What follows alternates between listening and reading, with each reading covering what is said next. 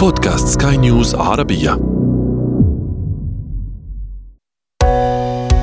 حياتنا.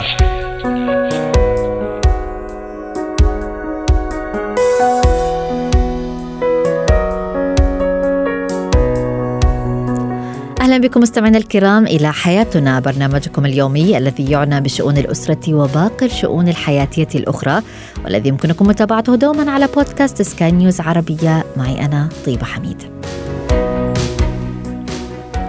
اليوم نتحدث عن فن الإصغاء ومن يتقنه أكثر الرجل أم المرأة؟ خاصة في العلاقات الزوجية. وفي زينة الحياة نتحدث عن كيفية التعامل مع الطفل سيء السلوك. أما في فقرة الأتيكيت اليوم نتحدث عن الموظف الذي يعاني من مرض ما أو يشعر بتوعك. ما له وما عليه. هو وهي.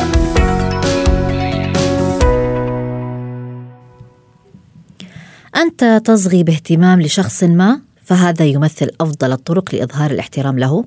والإصغاء أيضا يمثل رسالة منك مضمونها أنك تقدر ما يقوله هذا الشخص وتحترمه بالفعل. والموضوع سيكون له أهمية أكبر عندما يصبح هذا الإصغاء ثين بين شريكي الحياة. لأنه وللأسف معظم الناس يقضون الوقت الذي يتكلم فيه الطرف الآخر في تحضير إجاباتهم عليه والقليل جدا هم من يحسنون الاستماع للآخرين.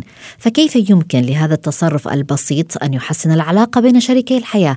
هذا ما سنتحدث به مع دكتور نهاية الرماوي الاستشاري الاستشارية النفسية والأسرية.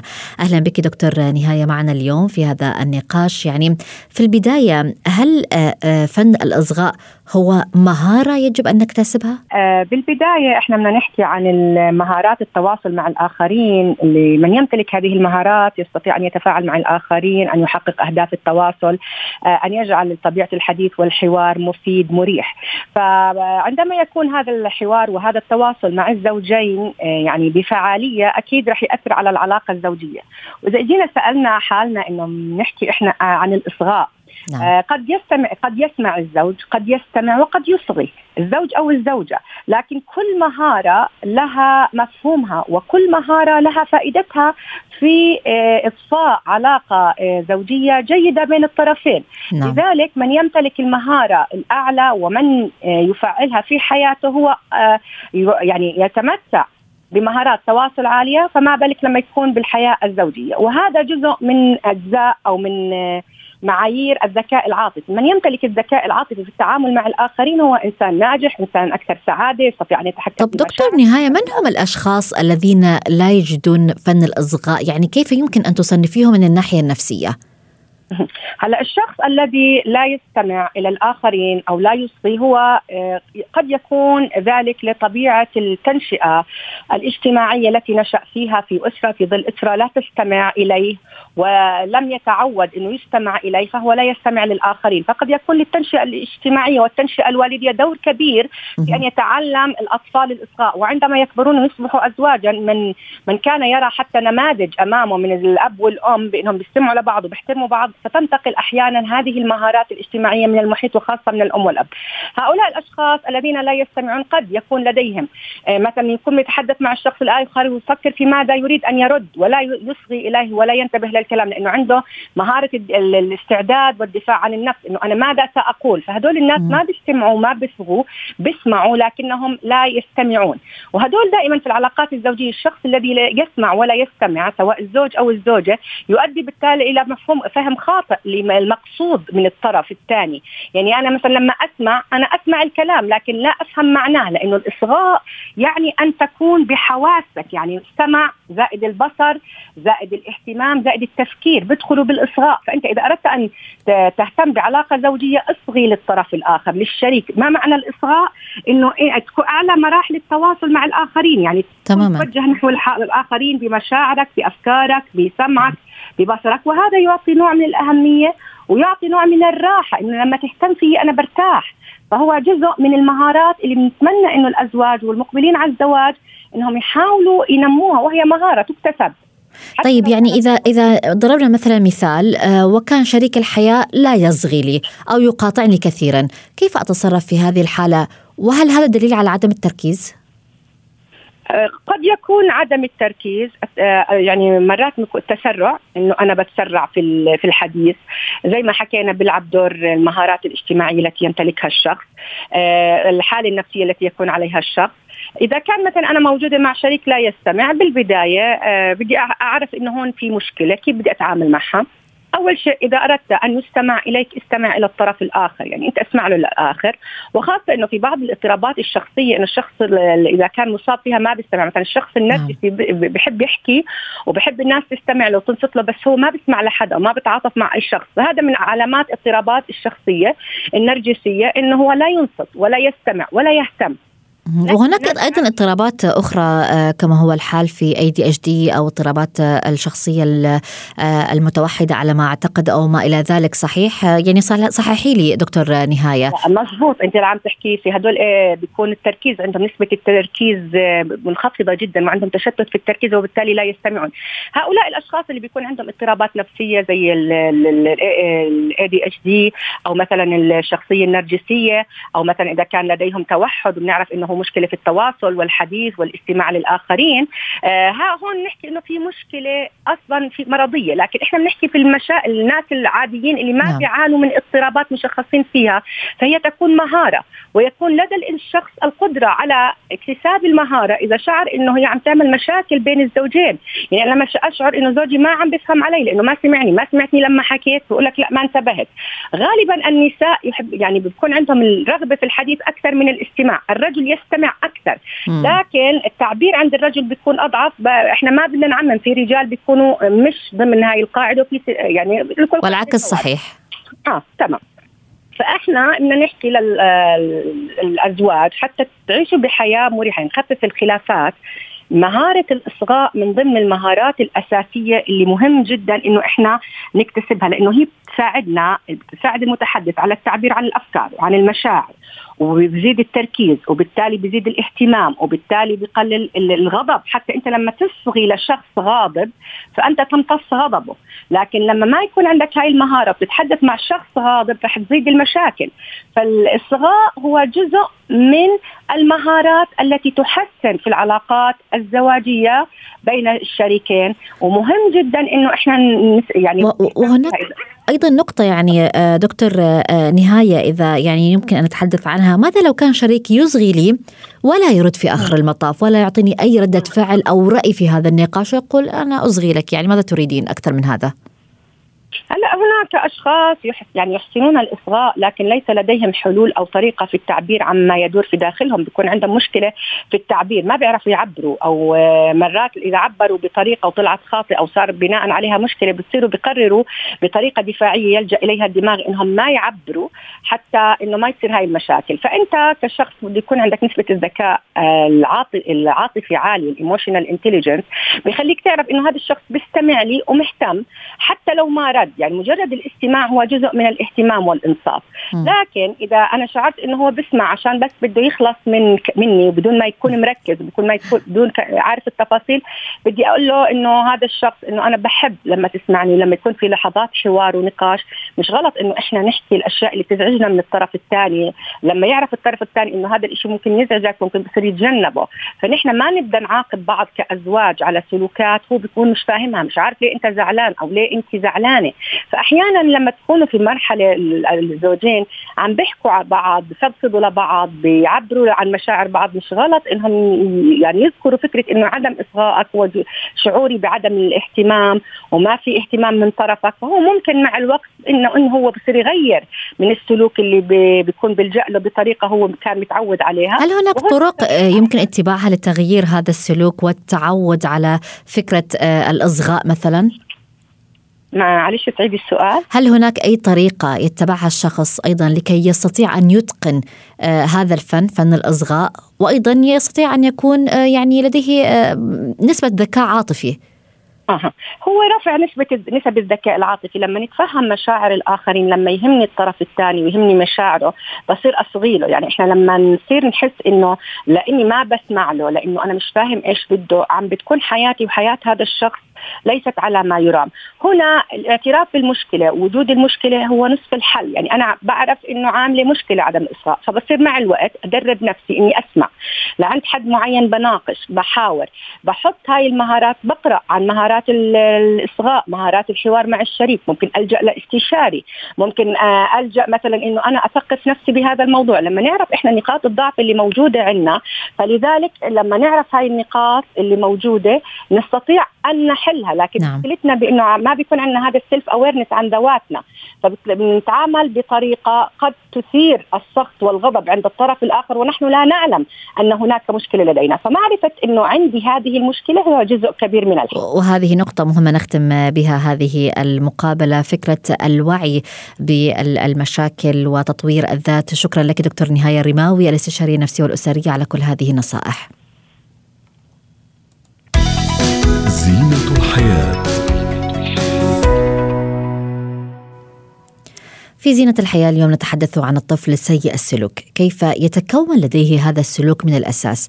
السلوك السيء مثلا بالنسبة للبعض هو قد يشمل العدوانية المواجهة الجدال الدائم رفض أي طلب الضرب والتخريب أيضا. وهناك من يفسر هذه الأمور بأنها مرحلة طبيعية يمر بها بعض الأطفال. وهناك أيضا طرف آخر يقول هي نتيجة سوء التعامل سوء تعامل الأهل مع الطفل. دعونا نستمع لرأي الدكتورة هبة شركس الخبيرة التربوية في هذا الموضوع أهلا بك دكتور هبة معنا اليوم يعني بداية آه، السلوك السيء للطفل هل هو بالفعل كما يقول البعض مرحلة طبيعية أم هو سوء تصرف من الأهل؟ هو السلوك السيء له أسباب عديدة. من ضمنها إن الطفل ممكن يكون ناقصه مهارات أو ناقصه معلومات. من ضمنها إن طبيعة شخصية الطفل مثلا ممكن الطفل ده يكون عصبي بطبيعته ممكن الطفل ده يكون لحوح بطبيعته. يعني في طباع معينة من طباع الشخصية ممكن تكون لها تأثير في السلوك السلبي. وفي جزء تاني كمان تفاعل الأهل. يعني ممكن يكون أنا عندي طفل عصبي بس أنا بتعامل معاه بهدوء فبالتالي ما يظهرش عنده السلوك السلبي بشكل آه، شديد لأن أنا بكسبه مهارات التعبير عن انفعالاته بعلمه بحتويه فأقدر أعمل كنترول فهو نتيجة تفاعل العوامل اللي إحنا ذكرناها دي ناقصه مهارات ناقصه معارف آه، آه، عنده هو طبيعة شخصيته وتفاعل الأهل معاه فلو أنا بقدر أكسبه المهارات وبكسبه المعارف وبتعامل معاه بالطريقة اللي تناسب طبيعة الشخصية واللي تناسب آه تعديل السلوك ده كل ما بيكون آه يعني آه عندنا إمكانية إن إحنا نسيطر أو نعدل السلوكيات السلبية عند اولادنا كمان في حاجة إن أنا أخلي الطفل يبقى متعاون معايا وأبقى أنا وهو في اتجاه والسلوك السلبي ده في اتجاه تاني وإحنا الاثنين بنعاني منه. أبقى عارفة إن الطفل بيعاني بيعاني إن هو عصبي. بيعاني بيعاني إن هو عنيف لأن هو بيلاقي نفسه إن هو من يعني قبل دكتور هبة أن نتحدث عن كيفية التعامل مع الطفل وتقويم هذا السلوك السيء كيف تعرفين من الأساس السلوك السيء؟ يعني متى أقول هذا الطفل بالفعل لديه سلوك سيء؟ آه هو السلوك السيء يعني ملهوش تعريف محدد لأن ممكن آه بعض الأسر في نفس البيئة يبقوا شايفين إن سلوك معين عادي واسر تانية تبقى شايفة إن السلوك ده سلوك سيء. زي مثلا إن إن الطفل مثلا يكون بيتطاول على الكبار فالبعض بيضحك وبيهزر وبياخد الكلام ده إن الألفاظ اللي بيقولها الطفل دي إن هي خفه ظل أو إن هي تقليد ومحاكاة للبيئة اللي هو موجود فيها لو كانت البيئة بيستخدموا هذه الألفاظ. وممكن أم تانية تبقى شايفة إن الحاجة دي سلوك سيء جدا وسلوك سلبي وتقعد تشتغل على ابنها علشان تبطلوا آه هذه الأشياء. فهو السلوك السلبي هو حاجة بتخضع لمعايير الأسرة وبتخضع طبعا للمعايير الاجتماعية بشكل بشكل عام وبشكل كبير. نعم. لكن طبعا لما الطفل يكون بدأ يبقى عنده مشكلات اجتماعية أو مشكلات شخصية أو مشكلات دراسية فده معناه إن هو السلوكيات بتاعته وصلته لهذه المشكلات فده يبقى السلوك ده يحتاج إلى تعديل. لأن واحد من أدوارنا الوالدية إن إحنا نخلي الطفل يتكيف وينتج في البيئة بتاعته. جميل. طيب كيف نتعامل مع هذا الطفل؟ خاصة عندما تؤثر هذه السلوكيات السيئة عليه على شخصيته على نفسيته على دراسته وما إلى ذلك. أول حاجة لازم نعمل حاجة اسمها تحليل للسلوك. تحليل السلوك ده بيشمل حاجتين. الحاجة الأولانية إن أنا أعرف هل السلوك ده استجابي ولا السلوك ده إجرائي. يعني إيه؟ يعني ببساطة أنا لو قلت لابني مش هتاكل الحلوى دي دلوقتي فهيبدأ يصرخ ويدبدب وي... ويعمل السلوك السلبي بتاعه ولا الابن بيجي من البداية ده اسمه استجابي. يعني لما لما بيحصل مثير الطفل بيستجيب بالطريقة دي. لما حد بياخد لعبته هو بيعمل الموقف ده. لما حد بي... بيتنمر عليه في المدرسة هو بيكون عنيف وعدواني. يعني في حدث بيسبق سلوك الطفل ده اسمه سلوك استجابي. لأن هنا هيكون تعديل السلوك عن طريق إن إحنا نتحكم في في في المثير للسلوك ده أو الحاجة اللي بتفعل السلوك ده. وفي حاجة اسمها سلوك إجرائي. يعني إيه؟ يعني الطفل علشان يحصل على الحلوى فبيجي من البداية ويلح عليا الحاح شديد بيجي وأنا بتكلم في التليفون ويطلب الطلب اللي هو عارف إن هو هيترفض لو جاي يكلمني في وقت عادي. يبقى ده سلوك إجرائي. الطفل ذكي بيعرف إمتى يطلب بيعرف إمتى يضغط عليا بيعرف إمتى يتعامل معايا يبقى ده ناقصه مهارات إن أنا أعلمه إن آه إزاي تطلب الحاجة وإمتى التوقيت وأظبط حاجة تانية عنده. ولكن هل سيستجيب الطفل بهذه السرعة أم هناك محاولات متعددة ويجب أن أكرر كل هذه المحاولات؟ تعديل السلوك عملية بتحتاج وقت ولازم نحدد نوع السلوك المرغوب في تعديله وهل هو سلوك إجرائي ولا استجابي ولازم أعرف إيه السبب اللي بيدفع الطفل لهذا السلوك. في أربع أسباب للسلوكيات السلبية لخصناها في علم النفس. الرغبة في السيطرة إن الطفل عايز كلمته هي اللي تمشي. والرغبة في إن هو يكسب التعاطف يعني يقول لك ماما بليز أنا مش بقدر أنا لازم تعملي لي الحاجة دي مش هعرف أحل الواجب لوحدي. فهو هنا إظهار الضعف عشان ياخد تعاطف أو إن الطفل يبقى حاسس إنه مظلوم انت بتعملي لفلان وما بتعمليليش. فيبقى عايز ينتقم. أو لفت الانتباه. فلازم الأم تحلل والأب يحللوا السبب بتاع السلوك ولازم يعرفوا إذا كان إيجابي استجابي ولا إجرائي. وكمان لازم يعرفوا شدة السلوك ده بيحصل كم مرة إيه الآثار بتاعته على حياته. ولو الطفل عنده أكتر من سلوك بنختار أبرز السلوكيات. وبعد كده بنبدأ إحنا نتعامل بطرق اللي هي بتاعة تعديل تعديل السلوك ونحدد مدة لتعديل السلوك.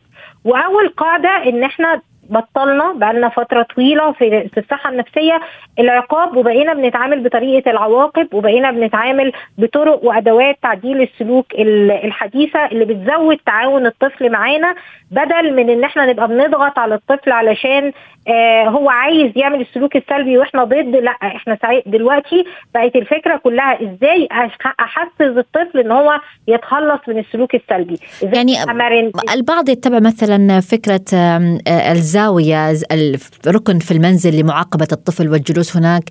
فترة مثلا من الوقت البعض يعاقبه مثلا بحرمانه من اللعب أو من نوع من الحلويات. هل يعني أنت تؤيدين دكتور هبة من الناحيه التربويه هذه الطرق؟ لا هو زاوية العقاب آه اتغيرت دلوقتي وبقينا بنستخدم حاجة اسمها الوقت المستقطع الإيجابي. يعني إن أنا في وقت ابني ما عملش حاجة غلط خالص بنبدأ نبني مع بعض كورنر صغير في البيت كده نقول له ده ركن الهدوء ده ركن الراحة ده ركن يعني كل كل أسرة تسميه زي ما تسميه. نحط فيه ألوان نحط فيه بازل نحط فيه لعبة معينة هو بيحبها. لما أحس إن ابني بيعمل سلوك سلبي فبقول له تعالى نروح نقعد في الركن ده أو روح اقعد في الركن ده لغاية لما تهدى وتفكر في المشكلة اللي حصلت دي على رواق وبعدين نبدأ نحلها مع بعض. فده بدلناه بإن أنا أعاقبه إن هو يقعد في زاوية متعاقب ما يتحركش لأنه طريقة الإبعاد بدون ما يكون في حاجة إيجابية من دون من دون ما يكون له هدف معين إن هو يهدي من مشاعره ويفكر وي ونبدأ نحل الموضوع في وقت تاني. فده بيكون بس بيخلي الطفل إن هو حاسس بالغضب أكتر وممكن يبقى عنده رغبة في الانتقام. وهذه فكرة جميلة يعني بالفعل. يعني هو الموضوع لازم يكون فيه هدف الحاجة التانية أنا بدل ما بسحب منه الأشياء هو أنا بقول له إيه عاقبة اللي أنت بتعمله؟ لنفرض إن ابني ما التزمش بوقت المذاكرة. نعم. فباجي أقول له طيب دلوقتي أنت ما خلصتش الواجبات بتاعتك هنحل المشكلة دي إزاي؟ أنا وأنت هنحل المشكلة دي إزاي مع بعض؟ إزاي فكرة المشاركة. دي؟ إزاي أقدر أساعدك؟ فهو كمان مش إن أنا بديله اوردرز وبنتقده وإنت مهمل وإنت مستهتر. ممنوع طبعا إن أنا اقسم الطفل بالألفاظ دي. لكن أنا بقول له طب دلوقتي ضاع الوقت من غير ما نحل الواجب هنحل هنحل المشكلة دي إزاي؟ فمثلا يقول لي هنضطر نسهر مثلا نص ساعة زيادة عن وقتنا بكرة الصبح نصحى بدري شوية. نعم. طب أقول له طيب وبكرة هنحل هنقع في نفس المشكلة ولا لأ؟ فلما بتعاون مع الطفل وبخلي فيه عواقب عواقب. يعني عاقبه نعم. إنك اتأخرت في المذاكرة إنك هتضطر تسهر شوية أو هناخد من وقت اللعب شوية أو بكرة مش هيبقى فيه وقت لعب علشان نلم اللي حصل امبارح من النهارده. وأنا مقدرة نعم. إن دي ده هتضغط نفسك. يعني دي كلها طرق بتخلي إن الطفل يتعاون معانا بدل ما يكون بيتعاقب على السلوك السلبي شكرا لك على كل هذه النصائح. خبيرة التربية كنت معنا هبة شركس. شكرا لك. اتكات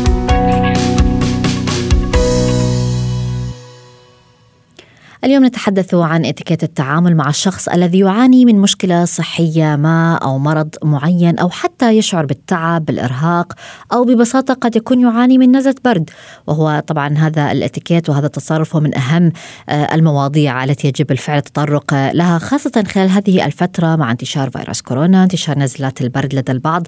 فماذا لو كان هذا الشخص المصاب بمرض ما هو زميلك في العمل؟ كيف تتعامل معهم؟ خاصة وأن هناك زملاء يخافون من العدوى أو يبدون تصرفات تدل على رغبتهم في الابتعاد عن هذا الشخص المريض. وهو أيضا بنفس الوقت قد يكون حساس ويتأثر بهذه التصرفات. فما هو اتيكيت التعامل مع الموظف المريض؟ نستمع لكل النصائح من خبيرة الاتيكيت الدكتورة سلوى عفيفي. أهلا بك دكتورة سلوى معنا اليوم. يعني قد يسمعنا البعض يقول فعلا يعني حتى الموظف المريض هناك اتيكيت للتعامل معه. ماذا تقولين في هذا السياق؟ يسعد أوقاتك وشفانا الله وعافانا جميعا. طبعا أكيد إنه لكل شيء اتيكيت وهو يدخل في كل حياتنا عموما. عارفة لو حطينا المبادئ الأساسية وهي الاحترام احترام كل شيء احترام الاختلاف احترام النفس احترام مشاعر الآخرين تقدير مشاعرهم أيضا وعدم التدخل في خصوصياتهم. ودائما أقول حتى لو كان لنا يعني ردود أفعال تلقائية لا لابد الاتيكيت بيقول لك دائما خلينا نفكر عارفة؟ نعد من تسعة لصفر مثلا إنه تكون تصرفاتنا محسوبة لأنه الشيء السلوك حينما يبدر منا خلاص ما تقدريش ترجعيه تاني خلاص الكلمة طلعت أو الحركة طلعت. فاذا نعم. هناك طبعا خلينا نعرف إنه هناك في بعض الأمراض المعدية وفي أمراض قد تكون مزمنة أو طارئة يعني. مثلا دائما إنه هنا تكون في مسؤولية المريض نفسه ومسؤولية الإدارة ومسؤولية الزملاء المقربين. مسؤولية جميل. المريض إنه يكون صادق. إذا كان أنا فعلا عندي برد وهذا ممكن يكون معدي خاصة إنه هذه الأيام بقالنا سنتين اختلط الأمر ما بين دور برد وما بين ربما إصابة بفيروس كورونا. صحيح. و وكل تبعاته يعني فهنا لابد أن أكون صادق وأن فعلا إذا استشعرت بعض الأعراض أن أبلغ الإدارة المختصة أو مديري المباشر وألتزم الجلوس في البيت صراحة وهذه أستاذة طيبة إحنا فعلا بنقول عليها في الاتيكيت من زمان حتى المصاب بالبرد لابد أن يحصل على الأجازة. نعم. أما مثلا لو قلنا الأمراض آه، أو خلينا نقول إنه مثلا شخص أصيب أو جه يمكن يكون مش عارف إحنا لابد أن نحترم ذلك يعني إذا إحنا في هذه الأيام ربما نكون ملتزمين ارتداء الكمامة نعم. ممكن هذا يكون فعلا واقي لنا جميعا آه لا لا نبدر يعني أو نبدي التقزز أو أو النفور خلينا نحافظ على المسافات في جميع الأحوال ونخلي هذا الأمور يعني هذا الأمر أصبح lifestyle لنا. يعني البعض قد يجد من يسعل آه، جنبه أو مثلا يعني آه، يعطس أو ما إلى ذلك ونجده مثلا آه، يحاول رفع الكمامة أو يحاول تضبيط هذه الكمامة، هل مثل هكذا التصرفات قد تكون عفوية؟ هل هي تدخل ضمن إطار الاتيكيت أم لا؟ أكيد. شوفي هي فعلا تكون تصرفات عفوية أو تصرفات لا إرادية نقول رد فعل إيجابي لأن العقل الواعي هو الذي يحرك السلوكيات بتاعتنا إنه عادة أي شيء فيه خطر لينا على طول يكون في رد فعل إيجابي. نعم. عشان كده أنا قلت خلينا ندرب أنفسنا على تحويل كل ما هو لا إرادي إلى إرادي. يعني نتمالك شوية ردود أفعالنا. نعم آه فهذا يعني حتى يعطينا شكل اظرف وأحسن في التعامل مع بعض لأنه ربما أنا اللي أكون في هذا الموقف أكيد لا أحد فينا يحب أن يكون غير مقبول اجتماعيا أو ينفر الناس منه أو من وجوده. أيضا علشان كده أنا ذكرت في البداية أنه هي مسؤولية الشخص المريض. هنا أيضا أريد أن أتحدث أيضا عن الأمراض المزمنة إذا تسمحي لي. إذا في سياق الموضوع. تفضلي. الأمراض المزمنة قد تكون مثلا مثل السكري أو أمراض الضغط أو يمكن ربما آه، أمراض العيون أو القرح أو الجلدية أو حساسية الصدر أو بعض الأمراض الخبيثة اللي قد يظهر عليه على الشخص أيضا أعراض ربما من العلاج أو العلاج يعني اللي نعم. ياخذه ربما يأثر أو حتى من سلوكياته. الحالة العامة ربما يتغير كثيرا أو يكون متعب جسديا لا يكون في كامل نشاطه. أيضا تأتي مسؤولية الإدارة إعطاء حقوقه أو آه، مثلا الاجازات المرضية اللازمة وأيضا إبلاغ المحيطين ولو حتى المقربين في التعامل معه ربما للاستعداد لإحلال مكانه أثناء تغيبه آه، تعلم مهارات جديدة آه، وهنا طبعا لابد أن نتعامل نعم. مع الموضوع باحترافية لا يكون هناك استغراب أيضا أو نظرة شفقة يا مثلا هذه نقطة مهمة.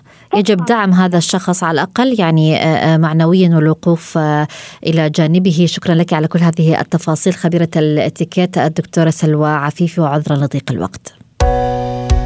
حياتنا.